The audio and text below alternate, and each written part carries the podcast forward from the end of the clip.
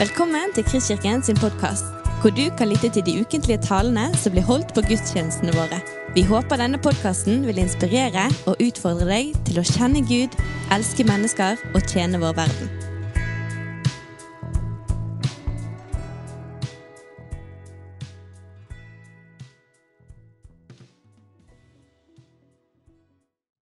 Men det er i hvert fall utrolig kjekt å være her, da.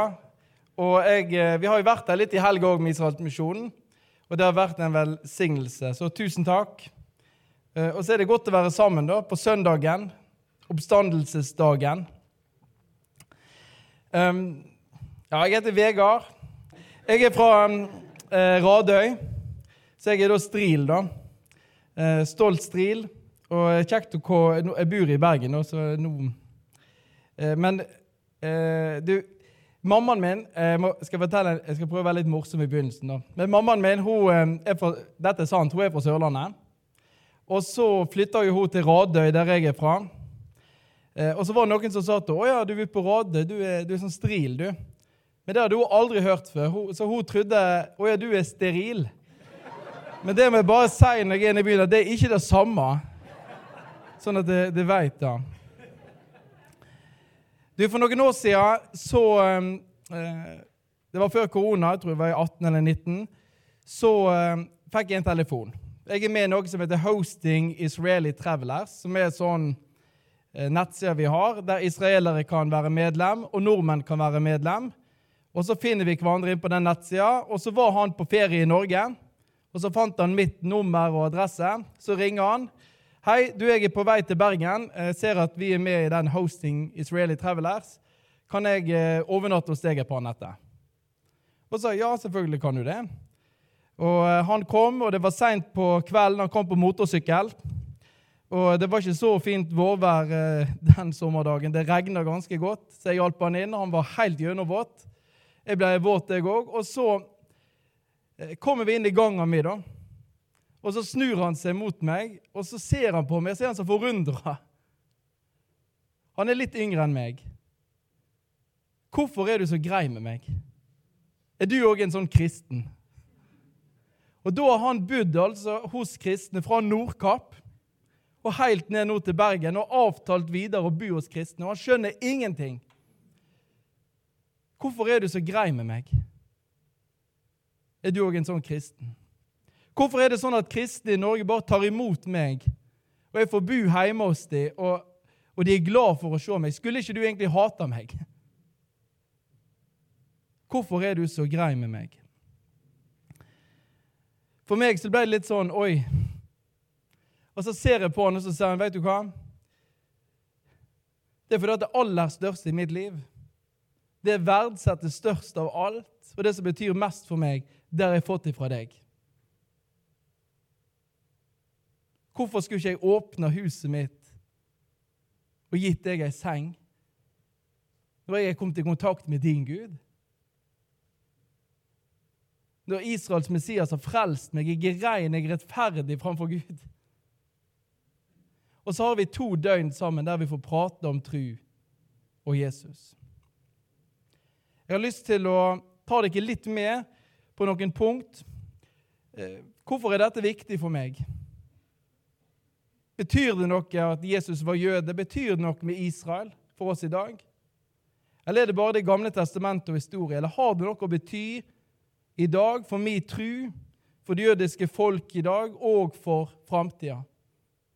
Det har jeg lyst til å dele noen punkt med dere. Det er greit at jeg ber litt nå.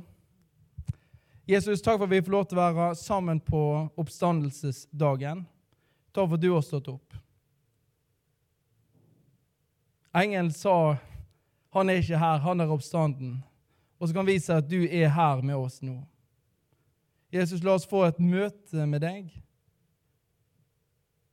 Amen. Jeg var og talte en gang på Sunnmøre, på et eh, bedehus. Og Når du står her framme, så ser du, du ser nesten alt som skjer her ute. Og du ser de som sovner, de som ser på klokka når man blir ferdig, de som går ut på do, de som, det er mange som strikker nå av og til. Eh, Og så ser du de som følger veldig godt med. Og det er ofte deg du liksom fester blikket ditt litt ekstra på. Og der på dette bedehuset på Sunnmøre så var det én sånn. Han var skikkelig med. Og jeg tenkte ja, dette går bra. og eh, etter møtet så kom han opp og ville snakke med meg. Og så skjønte jeg at det var, det var ikke så mye meg, da, men det var Gud. Og han fortalte at for 20 år siden så hadde han møtt Jesus på evangeliesenteret. Han var narkoman, han var dypt nede. Og så hadde han møtt Jesus. Så han kunne ikke av noe annet enn å bare boble av glede, boble av takknemlighet. Og i den samtalen med han så, så kom det så tydelig fram noe som jeg syns er så viktig. da. Han hadde fått en ny fortid for 20 år siden. Alt var nytt.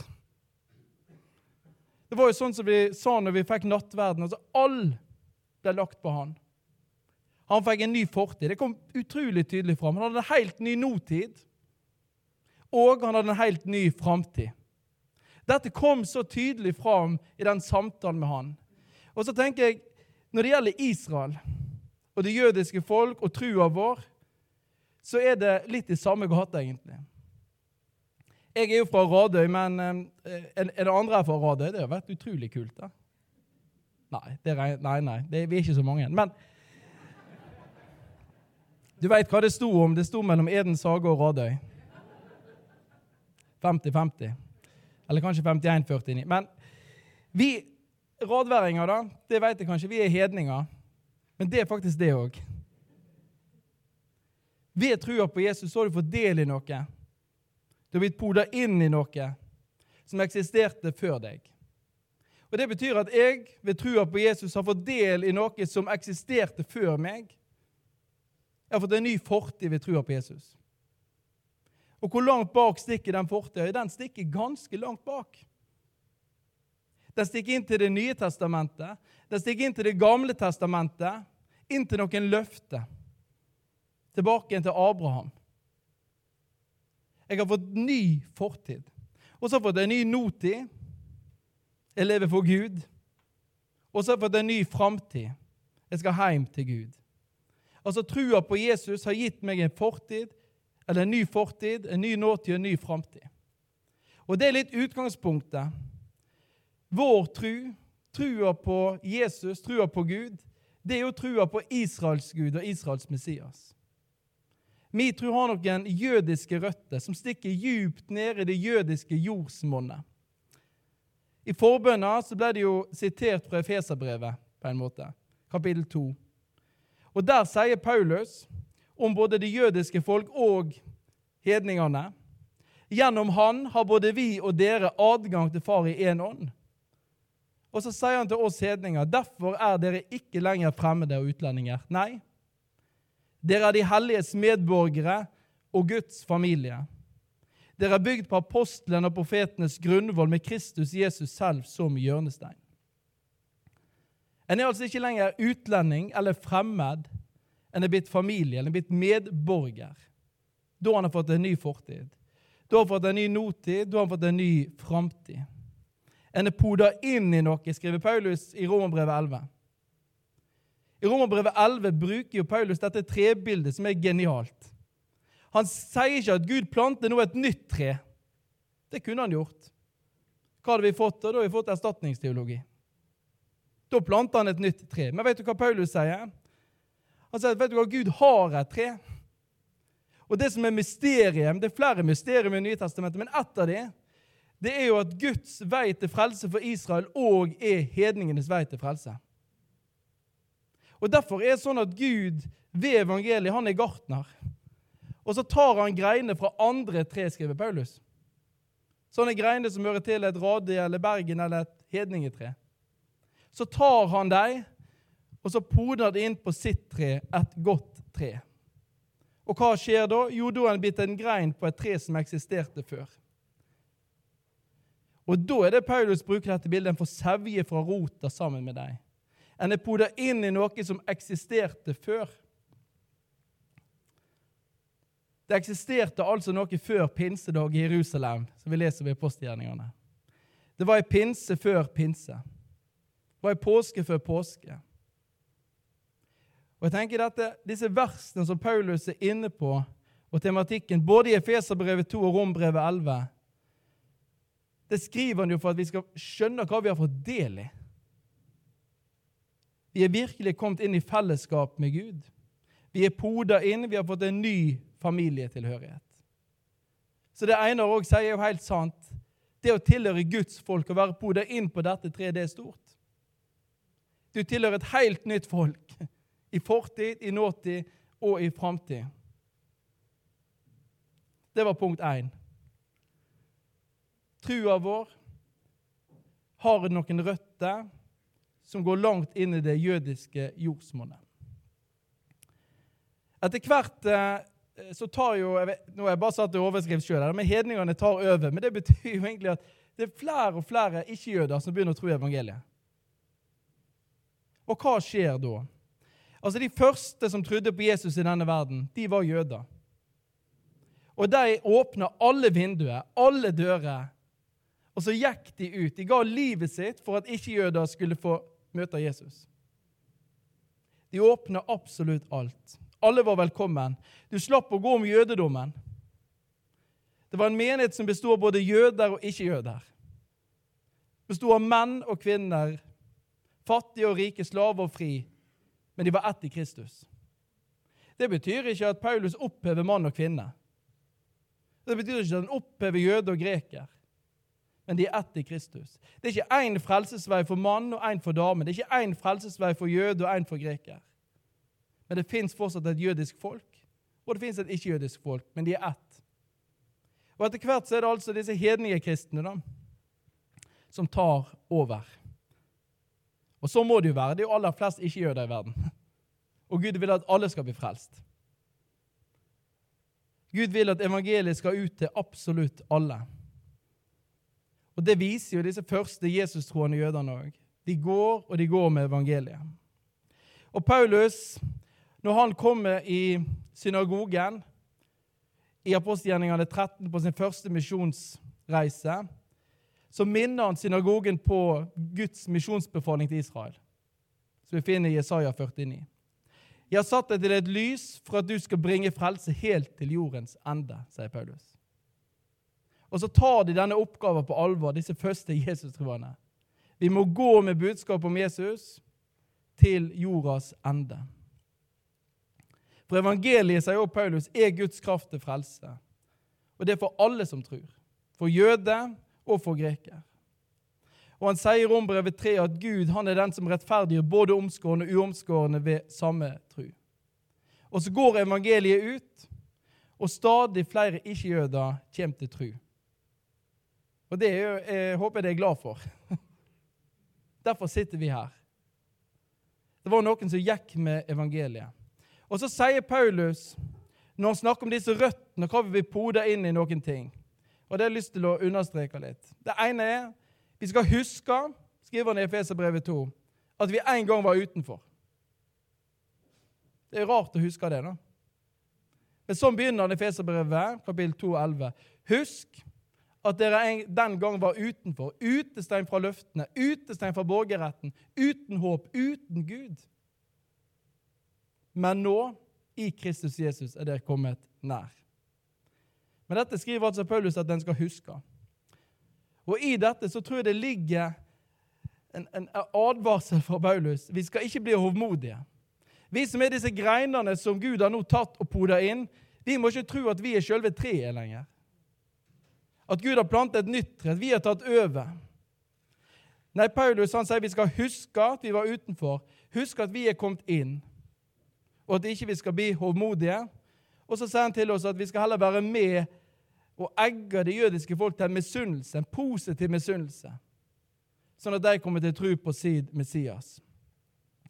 For Paulus han ser jo i sin samtid at selv om evangeliet går ut og hedninger tar imot, så forblir jo majoriteten av Israel vantru. De tror ikke evangeliet. Og nå sier Paulus ikke bli håndmodige, men lev et liv. Lev ut trua det de har fått, der det er poda inn, sånn at mitt folk, sånn at Israel, blir misunnelige og vender om til sin Gud. På engelsk står det 'provoke to jealousy'. Provosert til misunnelse.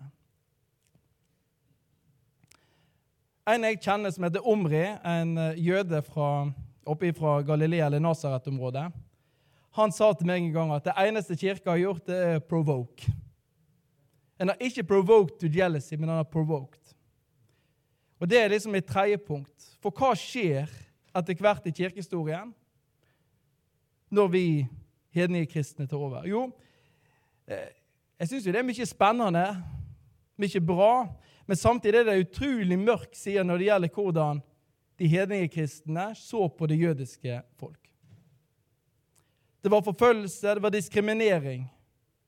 Det var hat, det var antijudaisme. Dette finner vi både i teologien, men òg i kunsten. Og for meg er det blitt utrolig sånn sterkt å tenke på at i middelalderen rundt om i kirken i Europa så finner du et ja, kirkekunstmotiv som heter Jodensau. Og Det er tysk, og så betyr det jødepurk eller jødesvin. Og det er kunst. Hadde jo vært veldig rart hvis det er noe i Kristkirken, det nye bygget der her flott, hadde tenkt, tenkt dere, for det er det som har skjedd. Lagd en fin figur her på sida med bilde av en gris og jøder som har omgang med den grisen. Det er en jodensau. Og det finner vi på kirker rundt om i Europa. Det er faktisk en jodensau i en kirke i Sverige som henger. Og Dette er altså lagd i en tid der de aller fleste var analfabeter, de kunne ikke lese. Så kunsten hadde jo mye å si for hva vi mente.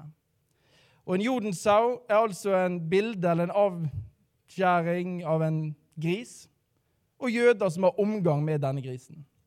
Og Jodensau skulle ha et grisetryne som pekte mot det jødiske kvarteret i byen.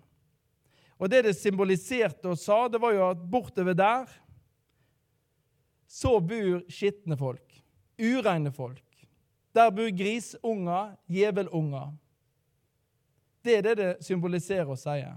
Og Samtidig så sier jo denne Jodensau helt tydelig du som jøde ikke velkommen inn her med oss. Du har ingenting inni dette huset her å gjøre. Det er signalet en har gitt. En kunne ikke være jøde og tro på Jesus. Det er historier som går at jøder som kom til tro på Jesus, de måtte legge fra seg alt den jødiske de hadde. Noen måtte skifte navn. De kunne ikke ha jødiske navn lenger. De kunne ikke la være å spise svin, for jøder er jo svin ureine dyr. Og Derfor er jo jorden så altså dobbelt. Men det går historier med en jøde som hadde lyst til å bli døpt. De gikk til kirke etter kirke, og de satte fram svintann. Hvis ikke han spiste av det, så nekta de han dåp. Han, var, han kunne ikke være jøde og tro på Jesus. Jøden måtte vekk. Og I dette så ligger det at jøder er ureine. De er skitne. Og så siterer de og, og vrenger bibelord fra Jesus når han sier dere har djevelen til far. Og så blir det at alle jøder har djevelen til far. Og Martin Luther sier jo i sin siste bok at ved siden av djevelen har den kristne kun én fiende, og det er jøden. Det er ganske sterkt. Han sidestiller disse to. Og Dette blir jo tatt opp igjen under andre verdenskrig, i mellomkrigstida, i naziteologien. Det som var her på fredag og hørte Eitan fortelle, det gjorde i hvert fall inntrykk på meg. Når han forteller om bestemora si som var i holocaust og ble torturert. Og mens de drar ut neglene på bestemora hans, så sier de dette gjør vi for du har drept Kristus. Dette gjør vi for du er hata av Gud fordi at du har forkasta Jesus, ditt folk. Og så drar de ut negler. Vi har ikke mye å være stolt av. Så jeg skjønner godt at Omri, som jeg kjenner, sa det dere har gjort, er å provoke. Er det rart at vi har Er det rart at vi ikke vil tro på Jesus? Jeg har lyst til å fortelle litt mer om Omri. Omri han er altså født i Israel, eh, i en kibbutz oppe med Nasaret. Og når han var ja, 5-6-27 år, så var han ferdig med militærtjenesten, og han hadde jobba og tjent penger. Og så gjorde han sånn som veldig mange israelere gjør. De ja, reiser på backpacking. Og han gjorde det. Han var, kom til New Zealand. Dette på slutten av 90-tallet. Og Så tar han inn på et hostell, og på det hostellet så er det ei kristen dame hun var ikke bare kristen, men hun var en ihuga Israels eh, venn. Kjenner det typen? Ja, det er jo, no, det er jo noen her òg. Jeg òg er jo det, da. Men, men når hun så passet hans, da, så ble hun salig, for å si det mildt. Og hun bare Er du fra Israel? Du er utvalgt av Gud. Og det var eh, fram med flagg, og han tenkte hun her må jo være helt gal. Jeg må komme opp på rommet så fort som mulig. Eh, jeg skal skifte hos Stell, men hun tok helt av. Um, men de fikk noen gode samtaler der, da. Og Så utfordret han en dag til å gå til en kristen bokbutikk i New Zealand. Og det var i en by som heter Christ Church. Det er litt ironisk for det som kommer videre nå. Vet du hvor du er på globusen? da? Da er du altså så langt vekk fra Israel du kommer. Du er på motsatt side av jorda. Verdens ende. Der var han nå, og han skulle gå i en kristen bokbutikk. Og han skulle finne et Nytestamente og lese for første gang i sitt liv. Han kom inn i denne bokbutikken i New Zealand litt stolt. Han tenkte ja, skal i hvert fall ta utfordringen. Spør om de har et Nytestamente. Ja, vi har masse. Hvor er du fra? Israel? Ja, vi har et på hebraisk. Ok. Så får han denne boka. Og Det var første gang i livet han holdt et Nytestamente. Eller det var egentlig en hel bibel, da, både GT og NT. Så hjelper de han å finne Nytestamentet. Han skal lese det som står der. Og så har han tre tanker i hodet hva denne boka handler om. Og Det er ganske representativt for hva mange jøder tenker at denne boka, den kristne boka handler om. En, Han var helt sikker på at det handla masse om Italia. Fordi at han hadde reist rundt i verden, og han visste at den viktigste byen for mange kristne det var Roma. Der orienterte de trua seg ut fra. Det var sentrum i trua. da. Så han var helt sikker på at det måtte stå noe om Italia og, Roma, og det gir jo litt det i Bibelen, i Nytestamentet, men ikke så masse. Um, og så var han helt sikker på at det handler om paven. En av de store og viktigste kristne. Og så visste han at det sto noe om Jesus, og han var helt sikkert italiener. da. Ok, Det er det første. Nummer to. En annen figur han var sikker på at Det nye testamentet handler om, det var en som han så overalt når den store kristne høytida kom jul. Han hadde skjegg. Han hadde hvitt skjegg. Skjønner du hvem det er? Når jeg hørte det første gang, så lo jeg. Og så hørte jeg det en gang til og en gang til, og så begynte jeg å grine. Hva er det vi viser verden når Jesus blir født? Hvorfor skal han som jøde tro at vi feirer julenissen når det er jul? Men det var iallfall det han trodde. Nummer to. Nummer tre han trodde at Det nye testamentet og dette er helt sant, og det er mange som tror det, var en håndbok i hvordan kristne skulle hate, og forfølge og diskriminere jøder. Hvorfor i alle dager skulle han være interessert i denne boka? En bok som handler om Italia, paven, julenissen, og hvordan kristne skulle hate og forfølge jøder. For dette satt i beinmagen hans. Kristne har forfulgt oss. Kristne har dratt neglene ut av oss i Jesu navn. Hvorfor skulle ikke boka deres handle om dette? Ok, Han står i New Zealand. Han holder denne boka oppe første gang i sitt liv. Disse tre tingene tenker han. Og så begynner han, og så leser han på hebraisk. da. Vet du hvordan det begynner i Nytestamentet? Side 1. Det begynner sånn. Dette er ettertavla til Jesus Messias, sto det i hans bibel. da på hebraisk. Ben David, Ben Abraham. Davids sønn, Abrahams sønn. Og Så ser han opp på henne i boka og sier ja, ja, du, jeg skal ha den kristne boka. Dette er jo jødisk bok. Jeg må ha en ny. Nei, dette er Nytestamentet. Nei, det er bare tull. Her står det om David, Abraham, og så leste han videre. Og så står det om Salomo, det står om Rehabiam, Abia, alle disse jødiske kongene nedover. Dette er ikke noe kristen bok. Jeg kjenner disse her. Ja, men dette er Det nye testamentet. Ja vel? Så leser han. Og der i New Zealand så bøyer Omri etter hvert kne. da. For han skjønner det at denne Jesus, som han trodde var italiener, han er jo Israels Messias. Denne boka som han trodde handlet om hat og forfølgelse, den handler om kjærlighet og enhet for alle mennesker. Denne boka som han trodde handlet om julenissen og paven, den står jo masse om jødiske høytider, sabbaten, Jerusalem. Og Jesus, Han var jo vokst opp i Nasaret, der han var fra. Han hadde aldri hørt det. Og jeg skal love dere at jeg hadde syntes det var rart hvis jeg kom til New Zealand og fått ut at verdens mest kjente person var fra Radøy. Jeg hadde syntes det var utrolig rart. Og nummer to Hvorfor har ingen fortalt meg det før?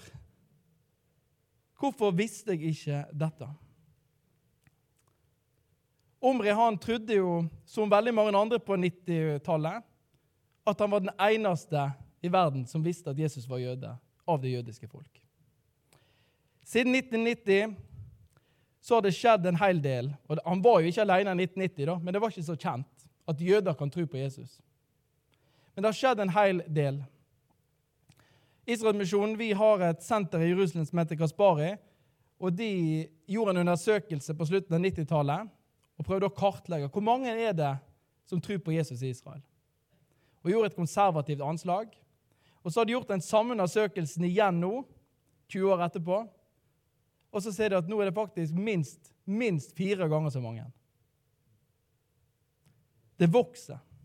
Det er flere og flere jøder som tror på Jesus.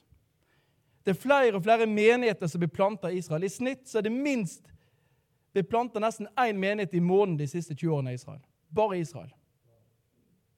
Det stiger, og det er flere og flere jøder som kommer til tro. Eitan han delte et bilde med oss fra Esekel 37 med disse tørre beina som ble samla inn. Og så sa han at sånn har jo det blitt samla inn nå. Vi er kommet tilbake igjen til landet vårt. Og Del to av bildet fra Esekel 37 er jo at disse tørre beina blir til liv. Og Så sier Eitan at nå skjer det noe i Israel. Det skjer noe globalt. Og det ser vi òg. Det er flere og flere jøder som kommer til tro på Jesus i dag. Jeg syns det er utrolig å være med på dette her.